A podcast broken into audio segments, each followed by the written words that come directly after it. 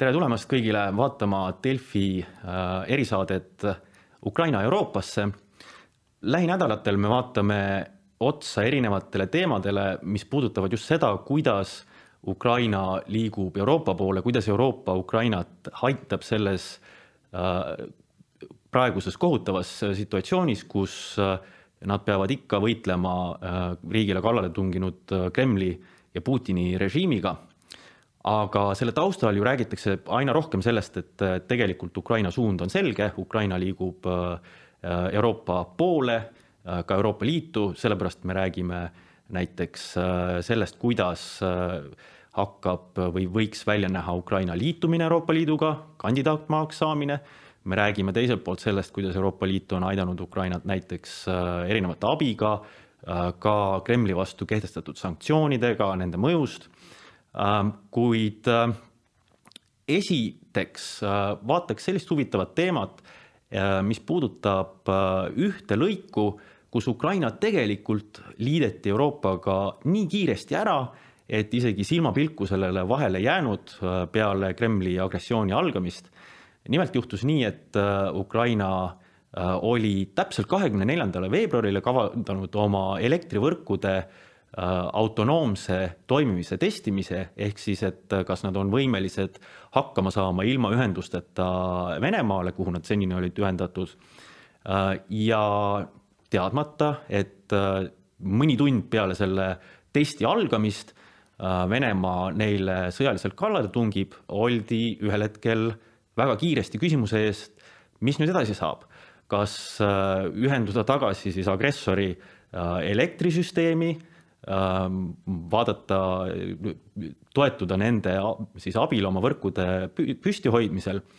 kuid hoopiski mitte seda ei tehtud, äh, vaid ähm, juba kuueteistkümnendal märtsil tuli teade, et äh, kiiresti on ära tehtud Ukraina elektrisüsteemi sünkroniseerimine ehk siis kogu võrgu ühendamine Euroopaga Äh, mida, mis oli kavas alles aastaks kaks tuhat kakskümmend kolm. Ja tegelikult selle otsuse taga, et see tehti nii kiiresti ära, et, äh, et peaaegu keegi ei suutnud seda isegi märgata, oli Eesti äh, energeetikavolinik, Euroopa Komisjoni energeetikavolinik Kadri Simson, tervist. tere ähm,. kuidas see ülepeakaela oli võimalik, et, et Ukraina ühendamine tehti siis sisuliselt aasta enne plaanitud äh, üle, üleöö ära äh, peale seda ja veel arvestades äh, seda hetke, kus Venemaa oli kallale tunginud, kus oli õhus nii palju küsimärke, kas Ukraina peab vastu, kas, kas nende süsteemid peavad vastu. Ähm, saate kirjeldada neid, neid sündmuseid, kuidas, kuidas see siis juhtus?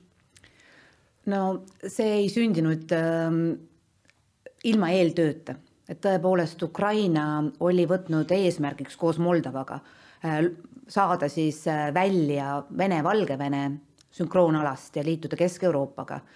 ja, ja selle jaoks, et äh, lõplik sünkroniseerimine toimida saaks, pidid nad enda poolt ähm, läbima nii poliitilise ähm, protsessi ehk et siis ähm, kohaldama oma elektrituru Euroopaga sobivaks mm. -hmm reeglistiku mõttes, aga olid ka tehnilised sammud ja nendest tehnilistest sammudest vahest kõige olulisem oligi siis isolatsioonitesti korraldamine talvel ja ka suvel ja esimene isolatsioonitest lepiti siis aasta alguses ähm, Venemaa partneriga kokku kahekümne neljandaks äh, veebruariks no.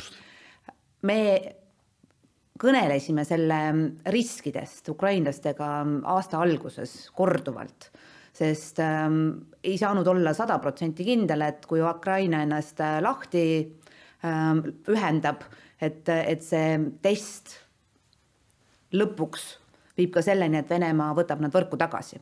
ja selle jaoks ukrainlased olid siis varunud endale alternatiivid, et hoida enda süsteem toimimas, eelkõige siis äh, lisa, lisa äh, põlevkivi näol, sest, äh, sest saarelise süsteemi hoidmine on väga palju ähm, energiamahukam mm. -hmm ja kui nad siis kahekümne neljanda kesköösel ennast äh, selle isolatsioonitesti alguses leidsid olukorras, et äh,, et algas sõda läbisid äh, nad kõik vajalikud etapid edukalt, vaatamata sõjaolukorrale, ainult et viimane samm selles isolatsioonitestis ehk et tagasiühendamine Venemaa ja Valgevenega äh, otsustati poliitiliselt ära jätta. Nad ei saanud anda oma võrgu üle kontrolli tagasi Venemaale, kes alustas sõda nende vastu.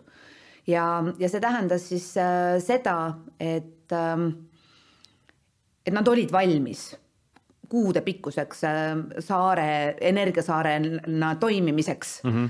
aga, aga lähi, lähipäevadel, kui sõda algas, äh, siis äh, Prantsusmaa eesistuja, Prantsusmaa energiaminister Barbara Pompili kutsus kokku energiaministrid, sõda algas neljapäeval, ministrid tulid kokku esmaspäeval ja, ja koos Prantsuse väga tugeva toega tegi siis komisjon enda poolt ettepaneku, et ministrid poliitiliselt võiks anda signaali ähm, süsteemi operaatoritele, et kõik need tehnilised sammud, mis Ukraina poolt veel tegemata olid, teeks eurooplased hoopis enda poolt. Mm..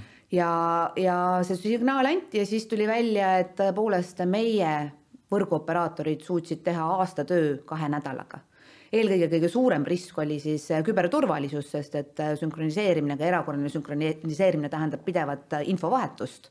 Ja olukorras, kus mõned elektrijaamad Ukrainas on Vene kontrolli all oli see märgatav risk. Ja siis teiselt poolt äh, süsteemi stabiilsus, aga jälle lisainvesteeringutega Euroopa Liidu poolt oli võimalik äh, see protsess äh, teha kiirendatud korras, mis ei tähenda, et seal on mõned sammud, mida, mida ikkagi Ukraina tegema mm. peab, eelkõige just tuumaelektrijaamadega seotud mm.. aga kui juba mainisite neid riske ja noh, küberasi, no me teame, et tegelikult äh, nüüdki on rünnatud nende, nende energiasüsteem, püütud rünnata, seda on varem tehtud. et, et kui see tuli, see selline suund, et, et teeme ära, et, et vaatame, kas saame nad lülitada Euroopa süsteemi nagu kohe kas seal oli ka mingisuguseid kõhkluseid ja kahtluseid, kõhklejaid, kahtlejaid, keda tuli siis veenda, et, et see on tehtav? just nende riskide pärast? no loomulikult, sellepärast et on tavapärased protseduurid ja tavapärastes protseduurides kahe aasta tööd kahe nädalaga ei tehta. aga ma arvan, et, et see poliitiline ministrite kooslus, kes leidis, et kas nüüd või mitte kunagi andis väga hea äh, toe siis ähm, tehnilisele tasemele, kes, kes pidi, pidi leidma viisi äh,, kuidas neid riske ära hoida. ja loomulikult me teame, et äh, Euroopa elektrivõrgud on pidevalt töötanud selle nimel, et, et küberohte ennetada ja, ja ka ukrainlased omalt poolt, nad on saanud ka meie poolt abi, nad on ju äh, pikki kuid ka ennem sõda olnud selles olukorras, kus äh, nende süsteeme on, on rünnatud ja nad on pidanud valmis olema nende ohtude ärahoidmiseks. Mm aga ütleme niimoodi, et, et ühel, et, et äh, nagu ütlesite, et tuli poliitiline signaal, et, et teeme ära. Ja siis oli see tehniline pool, et mille, milleks oli siis aega tõesti nagu kaks nädalat. Ähm, mis oli see hetk või, või, või kas, kas on meeles see hetk, sest ma saan aru, et, et tegelikult see nii-öelda otsus, et nii, saab teha, teeme, et see oligi äh, teie käes et, et kas, mis hetk see oli, kui, kui teile tulid ja ütlesid siis Euroopa võrgu ja süsteemi äh, haldurid, et äh, nii, nüüd on valmis, kas nii läheb nagu, nagu, äh, nagu plaanisime? Esimene hetk loomulikult oli ministrite kohtumine, et see ei olnud kokku kutsutud Ukraina sünkroniseerimise arutamiseks. Ja kuna see teema sai komisjoni poolt lauale pandud just selles erakorralises äh, nõukogu formaadis, siis äh, selle asemel, et oleks eelnevalt olnud äh, tehniliste riskide arutelu tehnilisel tasandil, said poliitikud, ministrid teha oma otsuse vastavalt, vastavalt sellest ähm, ajahetkest, kus tõepoolest igasugune abi Ukrainale oli vajalik ja, ja see oli see oli võtmetähtsusega, et keegi ei tulnud välja ametlikult sellise seisukohaga, et ootame ennem, kui, kui ähm, nad on sada protsenti omaenda elektrijaamade üle kontrolli mm -hmm. kindlustanud ja siis arutame edasi, sest et me teame, et siis, siis me arutaks tänaseni seda olukorda, neil on elektrijaamad, mis on, mis on äh, Vene armee kontrolli all. aga tehniline tasand, tehniline tasand alati ütles äh, seda, et, ähm, et ähm, me võime võtta selle riski ja neid erakorraliselt sünkroniseerida, ta lihtsalt äh, omab ähm, mõju meie elektrivõrkude stabiilsusele ja selle mõju pehmendamiseks tuleb teha omalt poolt väga palju tööd. Ähm, nad olid võim-, võimelised seda tööd Ukraina eest tegema, sest et selge oli see, et sõja esimestel päevadel me enam ei saanud küsida ukrainlastelt ja nende võrguettevõtjalt vajalikke, vajalikke stabiilsus, stabiilsust tagavate sammude ähm, läbiviimist mm. -hmm ja seda hetke ei kartnud, et, et kui see nagu avalikuks tehti, et, et, et see võib äh, mingisuguse nii-öelda lisapahameele äh, tuua kaasa siis rünnanud Kremli režiimilt ei, seda kindlasti ei kartnud, aga ma arvan, et ähm, kõige lihtsam oli seda otsust teha seetõttu, et äh, see isolatsioonitest Ukraina poolt sõja esimestel päevadel, kui oli teadmatust väga palju, äh, läbiti igas etapis mm. edukalt. Nad suutsid seda, seda ähm, tehniliselt teostada ja hoidsid oma võrgu stabiilsena ka need päevad kuni kuueteistkümnenda märtsini, ehk et me nägime, et nad tõepoolest teevad omalt poolt kõik ja on tehniliselt tasemel. kas see, äh, see kiirus, millega see otsus tehti, et kas see ukrainlastele äh, ka luges, ähm, et ähm, kuidas nemad reageerisid sellele, kui te saite neile öelda, et nii, me teeme selle ära? luges väga palju ja ma arvan, et seal ähm, tehniliselt oleks saanud nad äh, kuid ja kuid veel vastu pidada saarelises äh, režiimis sest et kui esimestel päevadel tundus, et äkki neil ei ole söevaru piisavalt, sest nad ei teadnud, kas nad saavad ise jätkata kaevandamist, kõik oli ju ähm, teadmatuse Just. foonil. Siis äh, järgnevatel nädalatel, nädalatel selgus, et, et on piirkondi, kus söe kaevandamine sai jätkuda äh, ja, ja nad oleksid tõenäoliselt äh, tänase päevani suutnud hoida oma, oma süsteemi toimivana, aga, aga see see oli üks esimesi selgeid märke, et Euroopa teeb ähm, väga palju enamat, kui me eales varem valmis oleksime olnud, käitub sõjaolukorras ähm, mitte niivõrd äh, sellisest bürokraatlikust astmestikust lähtudes, vaid, äh, vaid ähm, siis, tõepoolest toetab. ja, ja sealt järgnevalt tuli ju ennekuulmatuid samme meie poolt veel positiivses võtmes, aga see oli üks esimesi väga suure solidaarsuse näitamise akte mm. -hmm. tulles nüüd natukene, nüüd seda kogemust äh, teil on paar kuud, eks ju, et, äh, et kuidas, kuidas see kõik toiminud on, eks ju ja ma saan aru, et suuremate tõrgeteta, aga on ju teada ka see, et just viimasel ajal on Venemaa asunud ründama Ukraina äh, Äh, infrastruktuuri objekte ja sealhulgas ka elektrisüsteeme, äh, mitte siis kübervormis, vaid ikka reaalselt äh, rakettidega ja ja siin alles oli, Lvivis oli suur elektrikatkestus ja nii edasi, et et nüüd, kus nad on ühendatud Euroopa süsteemiga, kui palju te peate nagu jälgima seda äh, igapäevaselt, et, et kuidas seal nagu olukord on, et äh, et kuidas need võrgud töötavad, kuidas nad üleval püsivad, noh, sellepärast et nad on osa äh, Euroopa võrkudest ja nende käekäik mõjutab siis ka järelikult Euroopa võrke. ja, ja peale erakorralist sünkroniseerimist see infovahetus toimub reaalajas. Hmm.. nii et äh, see info meie poolt neile ja nende poolt meile tagasi on reaalajas, äh, mitte siis nagu tagantjärgi, et mis eile juhtus. Hmm.. aga noh, see, kui nad saavad kuskil pihta Äh, nõuab koheselt neilt näiteks mingisugust reageerimist seoses nagu taastamisega, vähemalt mingi esimese lappimisega, nii edasi.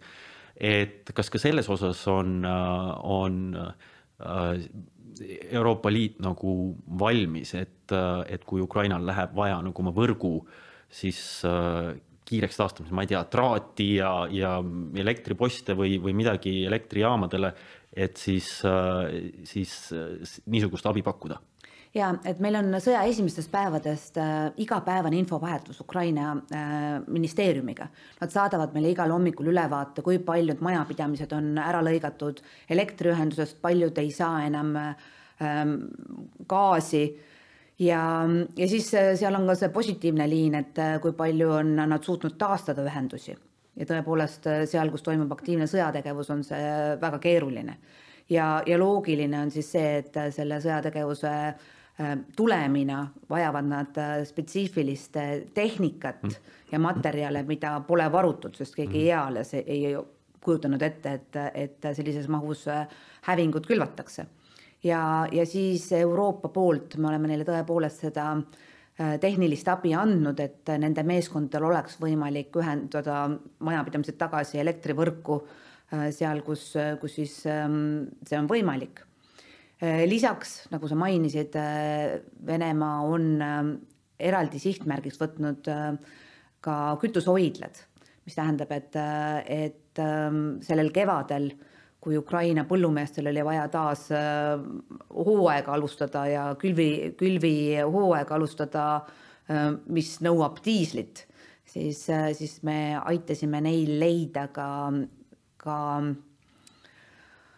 siis alternatiivsed, alternatiivsed varustusteekonnad, nii et Euroopast Poola oma strateegilisesse reservist selle diisli andis ja lahendada tuli ka transpordi küsimus, sest et teadupärast Ukrainal ja Poolal on erinev raudtee, raudteerööbaste laius. nii et kõik need tehnilised küsimused on ka Euroopa poolt abina Ukrainale lahendatud. aga milleks te asutasite selle Energy Support Fondi ehk siis energia toetusfondi? Äh, ma saan aru ikkagi ka umbes samadel eesmärkidel. just, et äh, see on äh, nii spetsiifilise varustuse eraldamiseks kui ka selle jaoks, et pole ju mõttekas kõigil maailma riikidel hakata oma naftatsisterne Ukraina poole teele saatma, et, et nad saaksid ähm, osaliselt siis ähm, katta need kulutused, mida lähimad riigid teinud on, et seda abi ähm, kohale toimetada, sest loomulikult piiririikidel on need kulud nagunii olnud äärmiselt suured ja ei saa ainult neile jätta seda tehnilist palju, abi ja rahastamist. palju riike selle, sinna on panustanud, et, äh, et just niisugust energia poole abi anda? Neid, neid riike on mitmeid ja, ja me loodame, et tuleb, tuleb panustajatena ka riike, kes ei kuule Euroopa Liitu, juba huvi on olnud laialdane, aga see fond on ainult paar nädalat toimetanud, toimetamas mm., nii et, et. kas olete Eest, Eestist ka kuulnud, et siin on ka huvi sinna panustada? Eesti on andnud äh, oma abi otse kontakti alusel ja pole siis vajanud Euroopa Liidu äh, vahendamist, et ka see on arusaadav um,. mainisite mitu korda seda Äh, nii-öelda just neid tuumajaamu ja, ja, ja, ja ka seda, et me teame, et vähemalt üks neist on okupeeritud äh, hetkel, et äh, Euroopa Liidus tegeleb Euroopa Komisjon ka tuumaenergia järelevalvega, selle ohutusega ja nii edasi. ja nüüd me olete saanud Euroopa süsteemi suure riigi, kellel on ka tuumaenergia ja nii edasi ja see on äärmiselt keerulises olukorras, et noh, siin Tšernobõli küll suletud jaam oli, aga mida jälgib ju, jälgitakse oli okupeeritud, see on nüüd vabastatud, aga üks jaam on veel, lõuna pool on äh, okupeeritud. et äh, kas, milline ülevaade teil sellest on, et kuidas Ukraina tuumajaamad to toimivad ja, ja kas te nagu saate ka seda infot, kui seal on mingisuguseid probleeme, ähm, peaks olema mingeid muresid? no okupeeritud jaam Zaporožje on Ukraina suurim ja, ja sellest äh, tulenev info on äh, on äh, mitte väga detailne, me lihtsalt teame, kui palju äh, reaktoreid töötab. ja, ja me teame ka seda, et kohapeal jaamas on äh, Vene ähm, sõjavägi, mis on kõigi rahvusvahelise tuumaohutuskonventsioonide vastane, et tsiviiltuumaobjektidele ähm, ei tohi ähm, sõja sõjaväega kohale minna ja seda okupeerida. ja Venemaa teadupärast on ju ka rahvusvahelise tuumaohutus või tuumaagentuuri liige. nii et ta teab, mida ta rikub ja, ja loomulikult äh, see on selline valdkondlik rikkumine, kõiki muid äh, rahvusvahelisi kokkuleppeid äh, selle sõja ja nende sõjaoledustega rikutakse ju ka. nüüd, kui nad lahkusid Tšernobõlist siis äh, kõik monitoorimislaborid äh, jäid, ähm, jäid maha suhteliselt rüüstatud olukorras. Mm.. nii et ka see vajab spetsiifilist äh, sisseseadet ja siin on Euroopa, ähm, Euroopa riigid tulnud appi, et see, see monitoorimine taastada.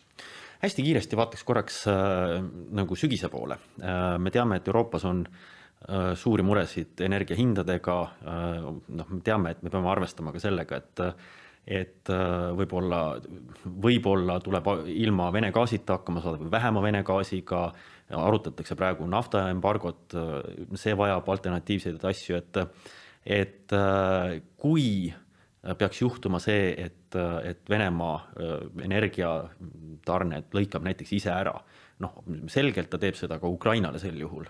Et kui me siin Euroopas oleme mures oma energiahindade pärast ja energia alternatiivide pärast, et, et kas meil sügisel võib olla vaja Ukrainat aidata ka äh, nii-öelda oma äh, siis gaasi, gaasi sinna suunates või, või, või, või veel mingite naftatarnetega? Sõjas riik loomulikult vajab abi ja ka tema valmisolek katkestusteks ähm, sõltub sellest, kas Ukraina suudab säilitada omaenda tootmisvõimsused. Ukraina on maagaasi tootev riik, kaks kolmandikku oma aastasest vajadusest ennem sõda ähm, kattis ta omaenda maagaasi toodanguga mm. -hmm. me oleme ära kaardistanud ähm, läbi Euroopa Liidu alternatiivse äh, gaasitrassi. Senimaani see, mis Venemaalt on tulnud, on tulnud siis just läbi selle, selle ühenduse, mis äh, tarnib maagaasi läbi Ukraina ka, ka Ida-Euroopasse.